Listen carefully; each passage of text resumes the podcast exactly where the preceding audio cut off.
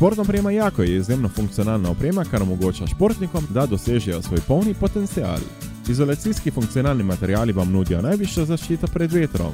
Vodoporni funkcionalni materiali in zaprti glavni šivi zagotavljajo zanesljivo zaščito pred vlago. Pri nizkih temperaturah vas toplotno izolirane funkcionalne tkanine ščitijo pred mrazom in vam zagotavljajo optimalno telesno klimo. Pri podjetju Jako veljajo visoki standardni razredi glede izbire njihovega tekstila, ki ga redno preverjajo z inšpekcijskimi pregledi. Za podjetje Jako so značilne hitre rešitve in visoka prožnost ter prilagodljivost željam kupcev. Cilj podjetja Jako je hitra dostava želenih artiklov. V ta namen je okoli 95 odstotkov vseh artiklov iz kataloga dejansko na zalogi in dobavljivih takoj. Najdete jih na Gubčevi ulici 12 Elena tu v slovenskih goricah ali obiščete njihovo spletno mesto trikrat dovinjuje jako-slovenija.si.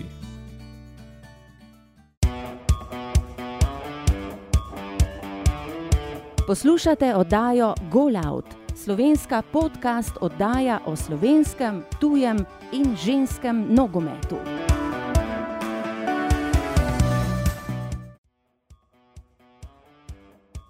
Tokratni gost podcasta oddaja Golout je svoj nogometno pot pričel pri športnem društvu Kobilje. Na slovenski prvoligaški sceni pa je odigral 234 tekem in dosegel 7 zadetkov.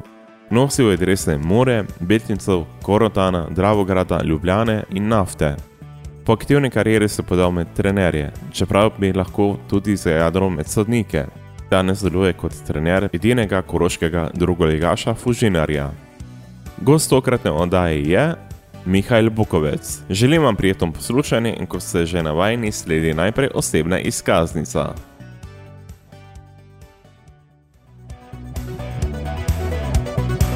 Imate vprašanje? Nam želite podati kakšno mnenje? Pišite nam na infoafna.golout.com ali prek družabnih omrežij, kjer nas najdete pod uporabniškim imenom oddaja Golout.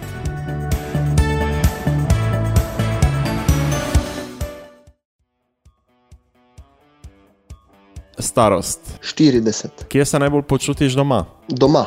Kateri tuji jezike govoriš? Nemško, hrvaško, angliško pasivno. Hobi izven nogometa. Ukvarjanje z hčerko. Kaj bereš? Trenutno dr. Brane Elznerja. Kaj gledaš? Bolj malo oziroma samo nogomet. Kateri predmet si imel najraje v osnovni šoli, če izpustimo športno vzgojo? Matematiko. Kdaj si na zadnje jokal? Soboto. Kdaj si bil na zadnje srečen? Danes. Česa se bojiš? Ne spomnim se oziroma ničesar. Kateri nakup najbolj obžaluješ? To je pa težko vprašanje. Mogoče jih je kar več, tako da jih ne bi naštel. Koliko si aktiven na družabnih omrežjih? Koliko mi čas dopušča oziroma redko? Kdo je po tvojem mnenju najboljši nogometaš vseh časov? Kristjan, Ronaldo. Kdo je po tvojem mnenju trenutno najboljši nogometaš na svetu, če izuzamemo Kristjana Ronalda in pa Lionela Messija? Zelo težko vprašanje, težko bi se opredelil. Kdo je po tvojem mnenju trenutno najboljši trener? Jurgen Klopp. Najboljši soigralec, s katerim si igral? Konstantin Vasiljev, Franz Cifer, Štefan Škaper in tako naprej. Kaj pa najboljši nasprotnik? Maribor. Najtežje obdobje v karieri? Prehod iz eh, mladinskega staleža v članski. Najlepši nogometni trenutek? Zmaga z nafto v, v Gorici, ko sem zabil zmagoviti gol na 3 proti 4 v 91 minut. Katera tekma ti je najbolj ostala v spominu? Prav ta. Kakšna mora biti tekma, da po njej rečeš, da je bila res odlična tekma? Polna tempa, priložnosti, vsega, kar k nogometu spada v pozitivnem smislu. Predvidevam, da imaš priljubljeni klub, zato me zanima, za koga navijaš in zakaj. Dejstvo je, da nimam, e, sem pa oboževatelj dobrega nogometa. Po komu se zgleduješ, če izuzamemo nogomet? Vzornikov imam več na različnih področjih, težko se opredelim. Kaj pa v nogometnem smislu? Všeč mi je način Jurgena Klopa, tudi Antonija Konta. Vodenje, Imaš kakšen življenjski moto? ne obupaj. V roke dobiš 10 milijonov evrov, kaj narediš z njimi? Nekaj jih razdelim, nekaj jih pametno naložim, nekaj jih pa dam pod polšter oziroma v zokn. Še zadnje vprašanje osebne izkaznice je: imaš priložnost povabiti bilo katero osebo na večerjo oziroma z njo deliti liter vina, za katero osebo bi se odločil in zakaj? Glede na to, da govorim tekoče nemško, Jurgena Klopa se ne bi imela težavo sporazumeti.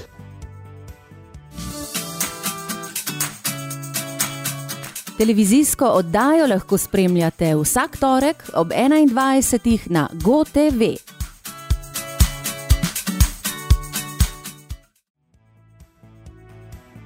Tako to je bila tokratna osebna izkaznica, sedaj pa lepo pozdravljam mojega tokratnega gosta, Mihajl Bukovec, trener Fužinarja je z menoj. Lepo zdrav na Koroško, Mihajl. Živijo, lepo zdrav tudi vam. Mihajl, preden se dotaknemo aktualne sezone s Fužinarjem in drugolegaškem nogometu, pa greva na začetek tvoje kariere oziroma k prvim korakom. Kdo te je navdušil za nogomet? Ja, v bistvu oče in brat. Imam dva brata. Najstarejši se ni ukvarjal nikoli z nogometom, ta srednji, jaz sem najmlajši izmed bratov in srednji brat, pa fotor sta redno zahajala na nogometno igrišče prek Morja, kjer smo živeli skupaj, gor rasli. V majhni vasici Koblje je bil oče predsednik kluba, brat aktiven igralec in sem skoraj po cele dneve preživel na igrišču in od tam tudi sem se navdušil za nogomet in za mene drug šport nekaj časa sploh ni obstajal je bil tudi v igri kakšen drug šport? V bistvu niti ne, ker eh, smo mala vas, nekje 600-650 prebivalcev, mogoče takrat v mojih otroških letih kaj več.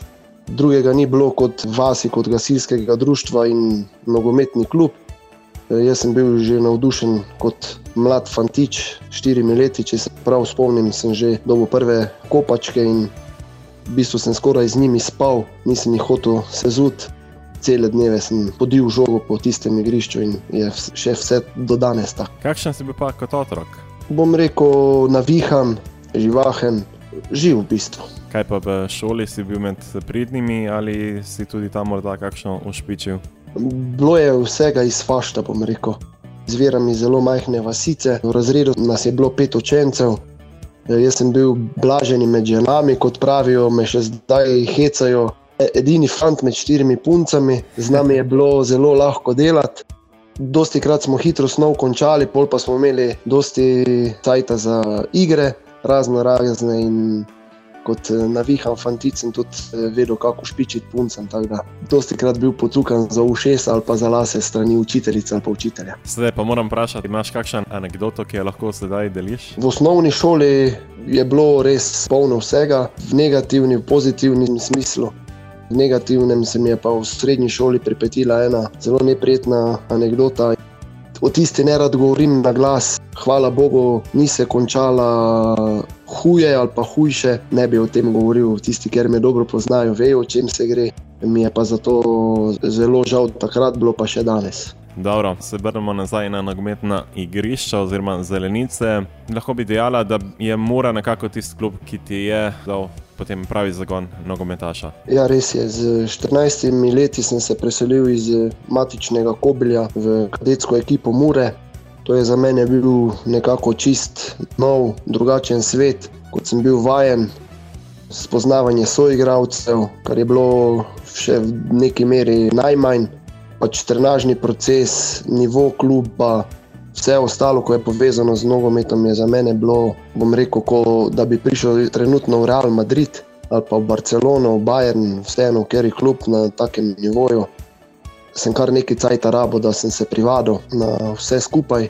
Hvala Bogu, do prve tekme, uradne tekme, kadetske lige, vse postalo tako, kako treba, stopilo na svoje mesto in sem normalno lahko konkuriral in začel igrati za kadete Mure. Si bil vedno v vezni liniji? Ne, v Muri začel kot obrambni igralec. Takrat smo igrali 3-5-2 eh, sistem in sem bil eden od eh, branilcev, desni ali pa levi branilec.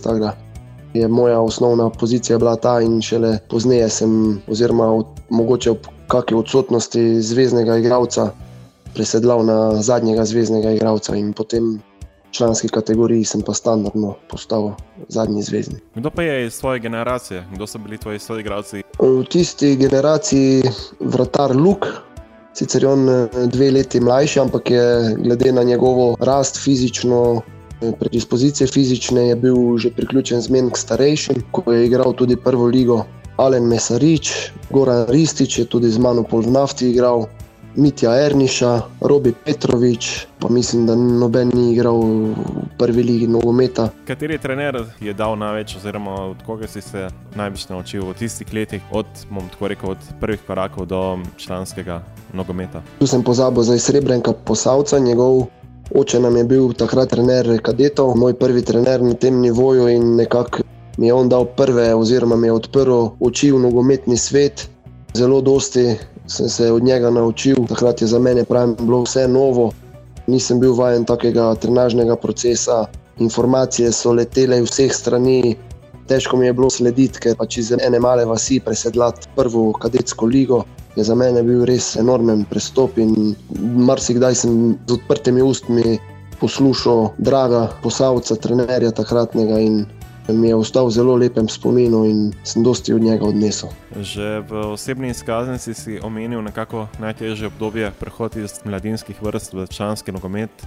Kaj je šlo na robe, oziroma je bil res ta preskok prehud? Nekako, če se postavim v današnje čase, je tem mlajšim igravcem dosti lažje prestopiti v člane.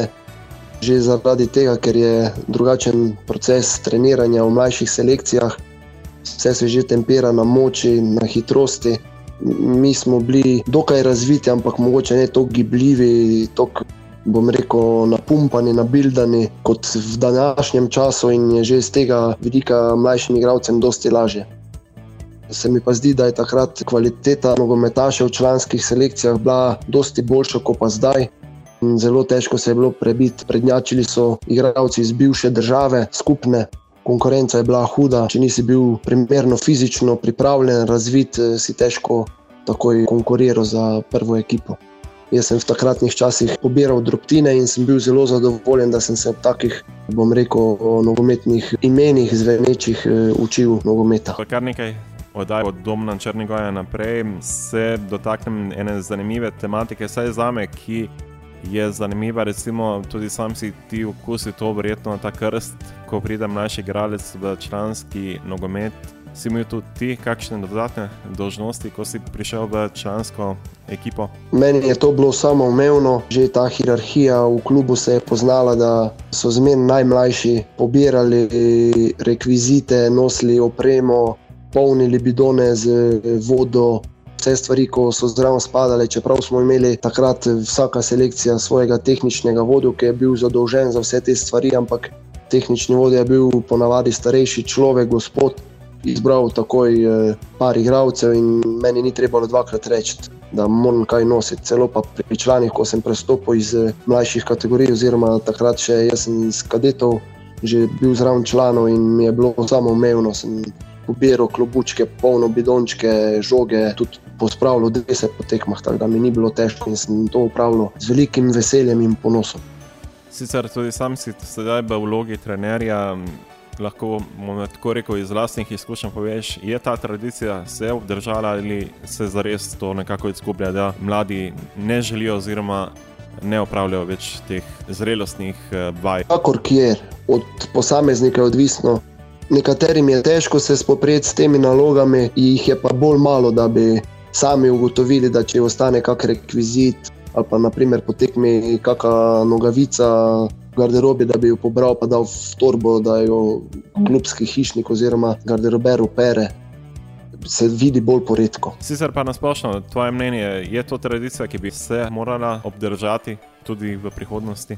To sem pristaš tega, eh, to se tudi od mlajših pol naučijo, da morajo spoštovati starejše in eh, tudi klubsko opremo, oziroma vse to, kar zraven spada. Kako bi ocenil tisto sezono, ki si jo preživel v članskem moštvu Mure, daljnega leta 98, bom tako rekel? Zelo pozitivna izkušnja. Kot sem že prej povedal, sem dobival zelo malo priložnosti, ampak sem bil zelo počaščen, vesel, da sem zraven takih eh, mojstrov lahko bil. Nekaj sem tudi igral tekem, v glavnem prihajal iz klopi, bili smo jesenski prvaki, dobro je kazalo, vzdušje je bilo v redu, glavnem zelo, zelo pozitivno. Iz Fazanarije pa v Beltinški športni park, bomo tako rekel, malce v Hescu, k lokalnemu rivalu, čeprav takrat je bil še potrošnik Beltinci. Takrat je deloval v potrošniku moj prvi trener v Muri, Drago Posavec. Njegovo povabilo oziroma nagovor sem prestopil v Beltince ravno v tej želji pa upanju po večji minutaži.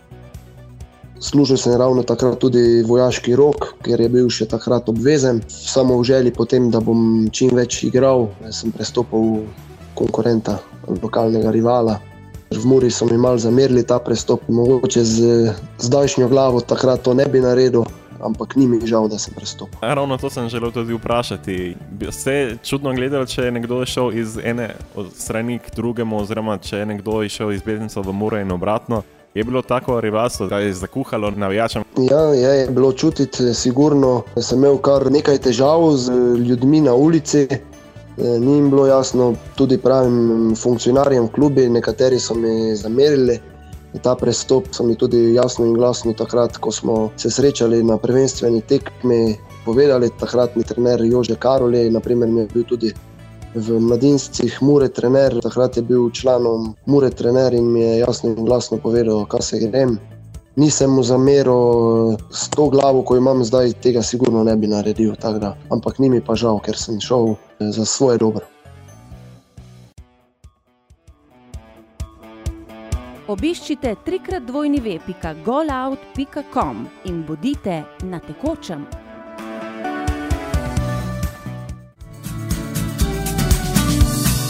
Športna oprema Jako je izjemno funkcionalna oprema, kar omogoča športnikom, da dosežejo svoj polni potencial.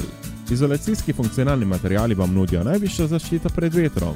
Vodoporni funkcionalni materiali in zaprti glavni šivi zagotavljajo zanesljivo zaščito pred vlago. Pri nizkih temperaturah vas toplotno izolirane funkcionalne tkanine ščitijo pred mrazom in vam zagotavljajo optimalno telesno klimo. Pri podjetju Jako veljajo visoki standardni razredi glede izbire njihovega tekstila, ki ga redno preverja z inšpekcijskimi pregledi. Za podjetje Jako so značilne hitre rešitve in visoka prožnost ter prilagodljivost željam kupcev.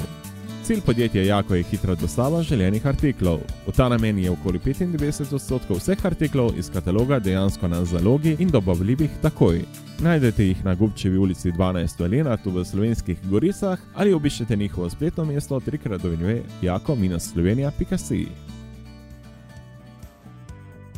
Sicer pa na splošno si bil v Beltincih kar dve sezoni. In pol, ja. Potem si se pa že v igralski karieri preselil na Koroško, Korotano. Tako, takrat sem se preselil iz eh, Beltinskega potrošnika športnega parka v, na Koroško, v Korotan, ampak za kratek čas. Sicer na Koroškem si bil kar nekaj časa in tudi tisti, ki je morda spremljal Facebook v tem tednu, je tudi videl nek uh, zapis Koroške Maradone, Tama Vidoviča. Naj se omeni tudi derbi med Korotonom in pa Dravogradom. Sicer sedaj ne vem, prav na katero tekmo je samo mislil, ampak sta imela vroče dvoboje na zelenici. Takrat sem jaz igral Korotano, samo pa v Dravogradu, to je bila sezona 2000-2001. Jaz sem takrat prišel v Prevalje, smo igrali koroški derbi pred polnim auditorijem. Mislim, da je bil stadion celo premali, da bi se vsi nagnetli gor, gledalci. Vzdušje je zelo dobro, vreme je odlično, vroče na terenu, vroče zunaj, na nebu. Korotan je zgubo nič štiri, doma jaz sem zakrival za prvi gol 11 metrov, ko, ko je samo realiziral in posledično tudi bil izključen, sicer prestrogo, drugi rumeni karton, tudi 11 metrov, kar prestrogo se mi je nasprotni igralec vrgel čez nogo, sodnik se mi zdi, da je bil Darko Čeferin, je ocenil pač tako, kak je. Posledično izključitev in 11 metrov, pol so nas pa razbili, drago grajčani. Smo izgubili tisto tekmo 4-0 in me samo zbada non-stop zdaj, ko sodelujemo v Fužinarju je za njega to zelo priporočljivo, da me lahko z nečim zbada. Za kar mu pa ne zamerim. Lepi spomini, oziroma po drugi strani pa se lahko spominjate na stare čase, ko ste bila oba aktivna nogometaša. Res je, res je. E, odigral si prekmorski derbi in tudi koroškega. Če bi primerjal ta dva derbija, kateri je bil bolj vročekrven, oziroma kateri je dal več adrenalina? Definitivno, ker uh, sem prekmorec, je prekmorski derbi, prekmorski derbi. Tam se je bilo že čutiti uh, v zraku, ne samo teden dni prej, ali pa tisti teden, ko je prihajal derbi. Tam se je govorilo, živelo za derbi že mogoče mesec dni prej, ker tam smo vasi nagnetene ena na drugo, poznamo se vsi med sabo, tudi na Koroškem. Ampak se mi zdi, da v prekmorju je nogomet številka ena in ne da se mi zdi, to je še zdaj prvi šport in se ne izbira sredstev, da se preživi v derbiju. Prekmorci ste, bom tako rekel, malce karikirano nori na nogomet, kajti tudi na drugih jaških eh, derbijih se zbere veliko število gledalcev najbolj nori, kar se tega tiče, če izuzamemo prebelgaškega Maribora in recimo, če uh, izpustimo tudi ta slovenski večni derbi med Mariborom in Olimpijo. Je res je, to je čutiti vse povsod, da nimo, ni vasi, da ne bi imelo nogometno igrišče, če ne veliki nogomet, vsaj malega. Se tudi eh, vlagajo sredstva, enormna, visoka, tako da se to čuti na vsakem koraku. Na Koroškem prvo za Kortom, potem pa še za Dravgrad eh, si moral poskusiti malce v hecu tudi drugo stran. Pač življenjska situacija me je vodila tako, kot me je. Ko sem prišel v Korotan, sem spoznal trenutno življenjsko sopotnico Majo in sem tu ustal. Konec koncev smo se preselili iz Pekmorja na Koroško živeti, pol sem pa prestopil na prošnjo oziroma tudi svojo željo Dravograd, tako da sem pol dve pa pol sezoni še igral v Dravogradu in pol me je pa pač nogomet vodo po, bom rekel, skoraj po celi Sloveniji. Če združimo v eno obdobje, kako bi ocenil ta čas, ki si ga preživel na Koroškem, kar se nogometa tiče? Klubom ni šlo najbolje v finančnem smislu, tudi v rezultatskem. Če se malo pošalim, takrat, ko sem jaz prestopil v druge klube, so klubi pogoreli, dobesedno eh, bankrotirali, pa ne zaradi mene, eh, pač eh, zaradi gospodarske situacije ali pa ljudi v klubu, ko so vodili takrat klube. Je malo negativnega tega pridiha, kajti nisem dobil vse izplačano, tako kot je bilo zmenjeno. Konec koncev, profesionalci smo zato bili, da živimo od nogometa to je malo grenkega pri okusu, vse ostalo pa je pozitivno. Spoznal sem ogromno dobrih ljudi, naučil se dosti od nogometa, od razno raznih trenerjev, ko so takrat delovali v klubu. Bom rekel, da je vseeno na Koroškem tudi pozitivna izkušnja. Potem pa Ljubljana Interblok, naslednja postaja, kako je prišel do tega prestopa? Ja, to moram opozoriti, ni bil Interblok, to je zdaj vodeno pod Interblok, jaz sem bil v Ljubljani. Takrat je bil v bistvu Viator Vektor, s temi imeni so malo tako kolobarili, bom rekel. Uradno je bilo Ljubljana, sponzor je bil Viator Vektor. Pol sezone sem pol iz Ravgrada pristopil tja, pa tudi je pol še leto dni klub deloval in je tudi nažalost propadel. In so ga pol, se mi zdi, ga Interblok prevzel in zato je ta, to ime Interblok. Jaz za Interblok nikoli nisem igral. Interblok je takrat igral na spodnji Šiški, ko je takrat v mojih časih Ljubljana delovala tudi v spodnji Šiški in zato je to ime zavedeno. In bodo poslušalci tudi vedeli, zakaj se tu gre.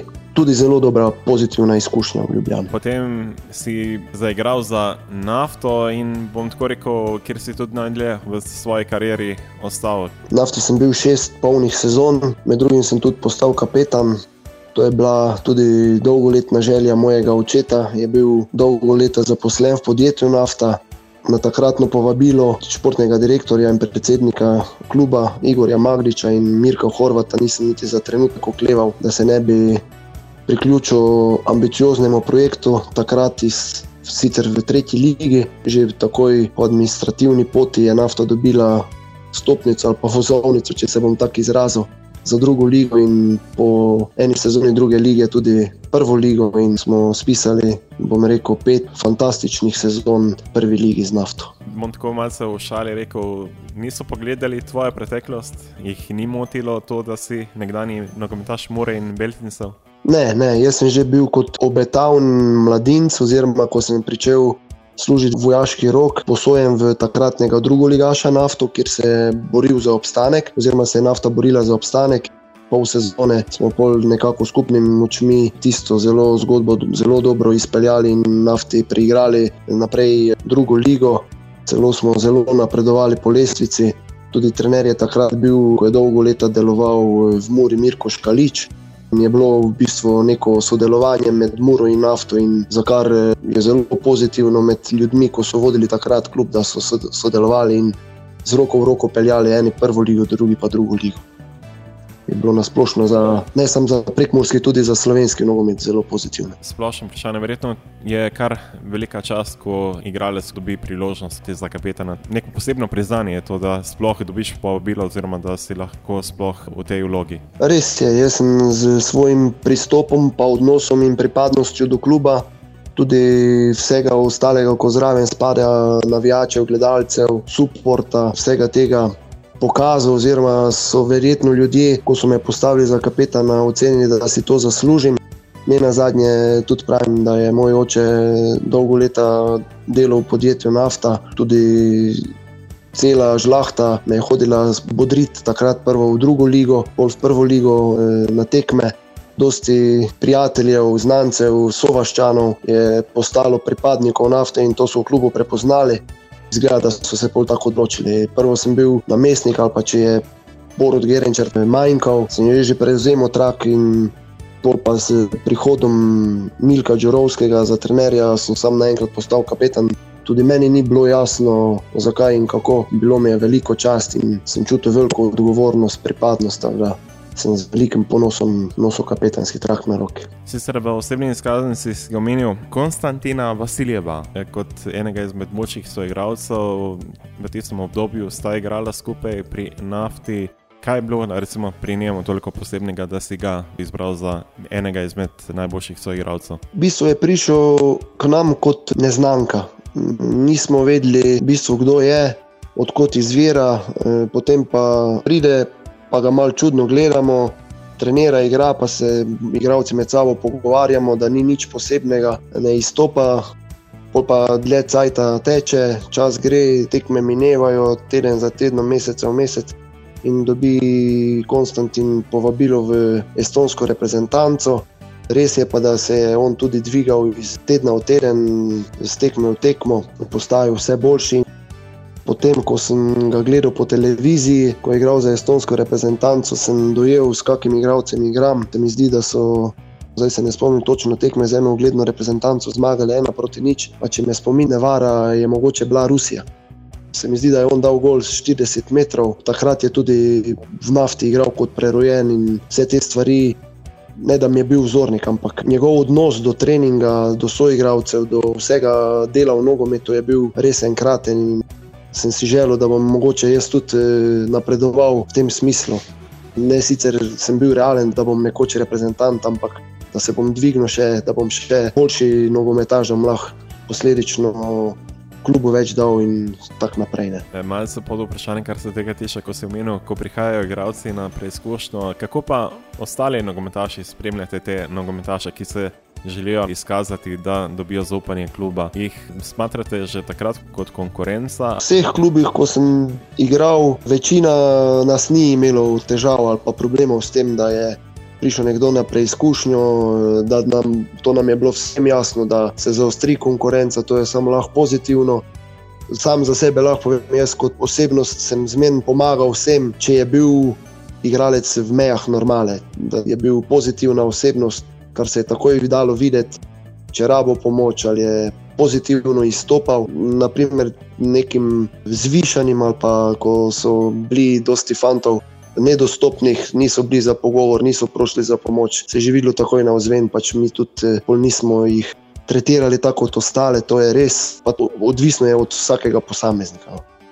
Jaz s tem nisem imel težav in če je rabo igralec pomoč, sem mu tudi rade volje pomagal. Naprimer, spomnim se Mateja Teroviča, je bil vreden fant, vse sem mu posojil avto, marsikaj tudi drugega, tako da sploh ni bilo težav s tem tudi takrat, recimo, tako so igralci ocenjujete, ta bi bil za nas, ta ni za nas. To je normalno, predvsem nam v prekmorju, ko nas je bila večina res iz eh, tega okolja. Nekak, če je nekdo prišel drugim, mogoče sam iz drugega dela Slovenije, je že bil neke vrste tujc, ni bil naš.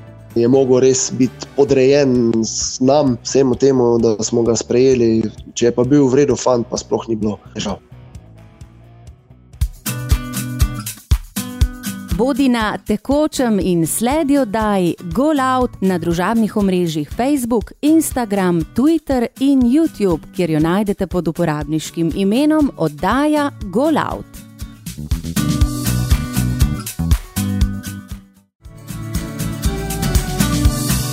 Športna oprema Jako je izjemno funkcionalna oprema, kar omogoča športnikom, da dosežejo svoj polni potencial. Izolacijski funkcionalni materiali vam nudijo najvišjo zaščito pred vetrom. Vodoporni funkcionalni materiali in zaprti glavni šivi zagotavljajo zanesljivo zaščito pred vlago. Pri nizkih temperaturah vas toplotno izolirane funkcionalne tkanine ščitijo pred mrazom in vam zagotavljajo optimalno telesno klimo. Pri podjetju Jako veljajo visoki standardni razredi glede izbire njihovega tekstila, ki ga redno preverja z inšpekcijskimi pregledi. Za podjetje Jako so značilne hitre rešitve in visoka prožnost ter prilagodljivost željam kupcev. Cilj podjetja Jako je hitra dostava želenih artiklov. V ta namen je okoli 95 odstotkov vseh artiklov iz kataloga dejansko na zalogi in dobavljivih takoj. Najdete jih na Gubčevi ulici 12 Lena, tu v slovenskih goricah, ali obiščete njihovo spletno mesto trikrat.dovnjuje jako-slovenija.si. Če gremo malce naprej po tvoji nogometni poti iz nafte k Tromeniku, je že takrat bil to povod, da se bliža konec aktivne kariere? Res je, takrat je v Lendavi začelo škripati in nekako se v tisti zgodbi takrat nisem videl, znižali so se stroški, posledično tudi moja pogodba in s tistim takrat ponujenim nisem videl izhoda, da bi lahko živel oziroma profesionalizem naprej peljal sem si posledično mogel poiskati tudi službo, delati pa igrati prvo ligo je zelo težko. Takrat sem bil 33 let star. Se mi ni išlo na to, pa sem se odločil, da pač prestopim v Tromenik oziroma grem na amatersko raven in sem še kar nekaj časa igral ta amaterski nogomet. Tako je, če nekako še to omenimo, si potem odšel v Hof, v sosednjo Avstrijo, pa Kobilje, pa Turnišče in na koncu Korotan bom tako vprašal kot večina teh mojih gostov, ki so že zaključili kariero. Je morda kakšna odločitev oziroma kakšna ponudba v teku kariere, ki je bila na mizi, ki jo potem nisi sprejel? Mogoče je res bila, ampak o tem ne bi zdaj na glas govoril, da se ne bi komu zameril, zato ker eh, mogoče tudi ker je od vodstvenih takrat ni vedel za njo. Tako da je pa bilo se dogajalo marsikaj. Ja. Glede na to, pač, da si bil toliko let v slovenski prvi legi, nisi imel niti želje oditi čez mejo ali ni bilo prave priložnosti? Željo sem imel vsekakor. Eh, zgodila se mi je takrat, ko sem iz Beltince zapuščal, pa sem prestopil v Korotan. Sem bil na preizkušnji v drugi avstrijski ligi v Leobnu takrat in tam je bil trener Milan Đuričič, ko je deloval zdaj na zadnje v Krškem, prej v Mariboru v bistvu sem imel že vse zmenjeno, da prestopim tja in posli menedžerjev so pripeljali do tega, da je transfer oziroma prestop do vodo. To je ena ta negativna izkušnja s prvo stojino. Potem pa sem imel še nekaj ponudb eh, za tujino, eno za Cipr, eno za Grčijo. Ampak ne bom rekel, da je mogoče tudi strah pred letenjem me je pač privedlo v to in vse ostale stvari, ki so bile povezane takrat z prestopom, se je odločil, da raje ostanem v Sloveniji. Je bila logična poteza, da se potem odločiš za kariero trenerja ali je prišla ta odločitev spontano? Ne, nekako sem hotel v nogometu ostati povezan z nogometom. Naj povem tudi kot zanimivost, že kot profesionalc v nafti sem bil nogometni sodnik. Na takratno pobudo predsednika nogometnih sodnikov Lendave gospoda Martina Bukovca, sem postal nogometni sodnik in začel mlajše kategorije soditi, tudi pozneje že člane v Pomorski ligi. Naj kot anegdoto povem, smo imeli na Brdu pri Kranju seminar oziroma srečanje trenerji, kapetani in športni direktori klubov. Pa se mi zdi tudi vodja mladinskih programov. In takrat eh, sta prišla do mene tudi gospod Vlado Šajn in gospod Milovan Tarbu, ko sta zadolžena za slovenske sodnike in popraševala, če sem res sodnik, pa da imata dobre informacije o meni in eh, če se ne bi odločil raje za nogometnega sodnika. Seveda se njima gladko zavrnil, mogoče. Če bi me vprašala danes, pa bi bil toliko star, kot sem bil takrat, bi se z lahkoto odločil, da bi postal nogometni sodnik. Sem pač postal trener, tudi obe vlogi hkrati nisem mogel upravljati, sem sojenje pusto, kajti sem se bolj videl nekako v trenerskem poslu in sem že kot profesionalc nafte prevzel vodenje domačega lokalnega kluba Kobilja. Čeprav večina te je spoznala, ko si prevzel drugo ligaša Fužinarja, kako je prišlo do sodelovanja s tem koroškim klubom? 2015 smo se z družino preselili na Koroško živeti, tu sem dobil zaposlitev, prvo postal trener Korotana v tretji takratni ligi. Sicer smo izpadli takrat v četrto, ekspresno se vrnili v tretjo in kot trener Korotana sem premagoval redno Fužinarja in predsednik Fužinarja Peter Stočko, tudi dolgoletni moj prijatelj, ne na zadnje smo v Korotanu tudi skupaj nekaj časa igrala. je imel nekako željo me privabiti v Fužinarja. Mi je po eni tekmi celo povedal, slej, ko prej boš pri nas trener. Nekako timing je bil pravi, pa sem postal predlani trener mlajših selekcij v Fužinarju in posledično pol s časoma tudi prevzel člane. Kako bi se opisal kot trener, kakšen trener si? Ambiciozen. Imam se še dosti za naučiti, trenutno upravljam tudi licenco UEFA, se izobražujem, poslušam, učim, spremljam vsem v korak. S časom bom rekel, spremljam te uspešne trenerje, rad si pogledam tudi kakšne prispevke, oddaje, berem razno razne knjige, gradivo, tako da v bistvu se izobražujem. Kaj pa, kar se tiče sloga nogometa, kakšen nogomet želiš, da bi tvoja ekipa igrala? Normalno napadalen. Vemo, da to je atraktivno, eh, pol je posledično tudi. Gledalci so zadovoljni, igravci tudi hočejo napadati, dosegati gole. Tako kot sem že prej omenil, da je polno vsega, da je tempo pravi in če je tempo pravi, je napadalen nogomet, ni samo branjenje. Strmim v glavnem temu, da moja ekipa zmerno doseže en gol več kot pa nasprotnik. V letošnji sezoni se ekipa drži okoli sredine lestvice. Kakšni so cilji za letošnjo sezono? Pred startom v novo sezono je klubska želja bila ne se boriti za obstanek do zadnje tekme, oziroma zadnjega prvenstvena kola. To nam zaenkrat eh, zelo dobro uspeva, smo v sredini lestvice z dokaj solidno bero točk. Do neke mere je mogoče že klubski cilj tudi dosežen, ampak ne bomo se zadovoljevali s tem, kar imamo, želimo več, hočemo več, Fantje so tudi mladi, hočejo napredovati in le tako bomo tudi nadaljevali. Spomladanski del ste malce slabše začeli, ampak verjamem pa, da zadnja zmaga proti Rogaški je ulila kar neko samozavest. Ja, res je. Bom povedal splet nesrečnih okoliščin in vsega tega, kar je botrovalo k tem negativnim rezultatom, se je vse poklopilo v negativnem smislu, konec koncev tudi rezultatsko. Fantje so pokazali na zadnji tekmi izreden karakter, kajti po treh eh, zaporednih ničlah so bili kar eh, vredno psihično načeti. Jaz sem jih bodril, trenirali so zelo dobro, pristop je bil pravi in eh, sem jim povedal, pred samo tekmo, tudi cel teden, ko smo se pripravljali na ekipo Rogaške, da morajo verjeti v sebe, v svoje sposobnosti, zaupati tudi meni, le tako bomo lahko prišli do skupnega cilja in to so zelo, zelo dobro izpolnili na tekmi z Rogaško. In ne samo, da so dosegli štiri gole, so si pripravili še kupico priložnosti in se je nekako cel ustroj kluba zasukal v pozitivno stran. In želim, pa vem, da smo na pravi poti in da bo zdaj samo boljše. Splošno letošnja druga liga je kar zanimiva, kar se tiče boja za vrh, pa tudi za obstanek. Kakšna je po tvojem letošnja sezona?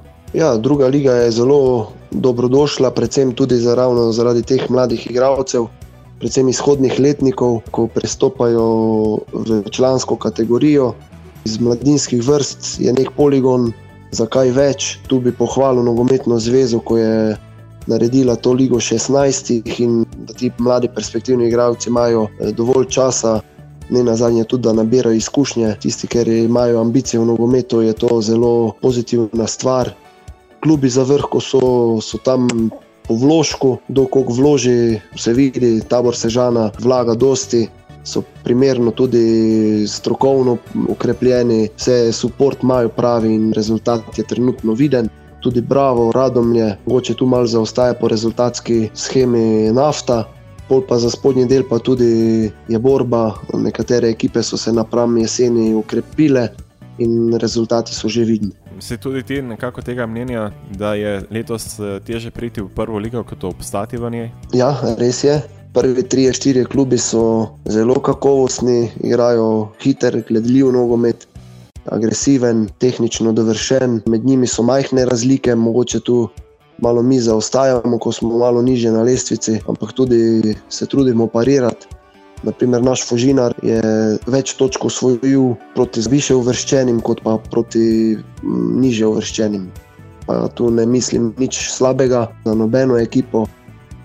Ta kvaliteta nogometa je na tej ravni, da, da se da in da se razvijajo ti mladi igralci. Če se premaknemo še malce na prvo ligo, verjetno tudi spremljaš tvojo oceno letošnje sezone. Spremljam tudi prvo ligo, kolikor mi čas dopušča. Kar nekaj tekem sem si v tej sezoni ogledal tudi v živo. vse bazira nekako na hitrosti, dinamiki, moči, da se tudi vidi dosti tehničnih stvari. Menim, da liga napreduje, da se klubi zavedajo, vlaganja so posledično tudi večja, samo tako lahko slovenski nogomet uspe tudi v Evropi in v glavnem zelo pozitivno. Kdaj bo lahko Koroška imela spet prvo ligaša, trenutno si trener kluba bi lahko v prihodnosti ravno Fužinar bil tisti koroški klub v prvi ligi? Ja, želja ljudi v klubu oziroma vodstva kluba je, da bi nekoč to Fužinar postal ampak trenutno v tem trenutku je mogoče to nerealno, že za sam, zaradi same infrastrukture in posledično tudi vsega drugega. Žele, zelo bi si pa želel, da bi prav Fužinar postal ta prvoligaš, kajti ljudje tukaj se trudijo za nogomet, živijo. Tudi Koroška regija si, po moje, zasluži prvoligaša in z nekim skupnim sodelovanjem, z skupnimi interesi bi bilo zelo lepo pripeljati prvo ligo nazaj na Koroško. Sicer malo se tako spet uh, splošno vprašanje, kot nekdani igralec, kateri klub morda še pogrešaš v prvi ligi, od teh, ki jih, jih ni več, ki so nekoč tekmovali? Primorje Ajdovščina po infrastrukturi, ko jo premore, ko jo ima, mi nekako manjka, se je v Ajdovščini igral tudi zelo dober nogomet. Na Dolenskem, da nimo Ivančna Gorica, Krka, Bela krajina, ta regija tudi nima prvoligaša, oziroma tam je zdaj krško bolj vemo pa, da imajo neke težave. Na vse zadnje so na zadnjem mestu in sicer je še nekaj možnosti za to, da ostanejo v ligi, ampak glede na dogajanje, ko, ko ga spremljam, bodo težko ohranili prvoligaški status. Tam mi manjka to. Tako. Mogoče novo mesto bi si zaslužil tudi pr prvoligaš. Sicer pa tako še zadnje vprašanje, preden zaključiva tokratni pogovor. Na katerem stadionu, razen na tistem, ki je štel kot tvoj domači stadion, si najraje igral? Ki je bila nekako tvoja druga najbolj priljubljena zelenica v Sloveniji? Uf, zelo težko vprašanje. Takrat za Bežigradom je bilo posebno igrati, ko je še bil Plečnikov stadion. Vseeno je utrip mal bil drugačen, ko si prišel ven na ogrevanje že samo, tudi v ljudskem vrtu. Najlepše je pa bilo mi igrati v Murski soboti pred eh, polno fazanerijo, tudi v Lendavi ni bilo slabo. Najbolj bučno se mi je zdelo v ljudskem vrtu. Sicer smo takrat z Beltinci izgubili tekmo, ko se je Maribor boril za prvaka, okrog 14 ali 12 tisoč gledalcev in hrup je bil res velik, navijanje pravo. Naro, Mihajl, prišel sem do konca najnega pogovora. Zahvaljujem se ti, ker si si vzel čas in se odzval mojemu povabilu. Želim ti veliko uspehov na tvoji trenerski poti in pa tudi vse dobro izven nogometnih zelenic. Ko bo kaj novega, si pa seveda ponovno dobrodošel v oddajo Galaut. Ja, najlepša hvala tebi, Marko. Pozdravil bi v tej priložnosti tudi tvojega sodelavca Janeza Boronico, ko me je nekako povabil za intervju, mi dal priložnost. Hvaležen sem in vse dobro vaši oddaji naj živi naprej.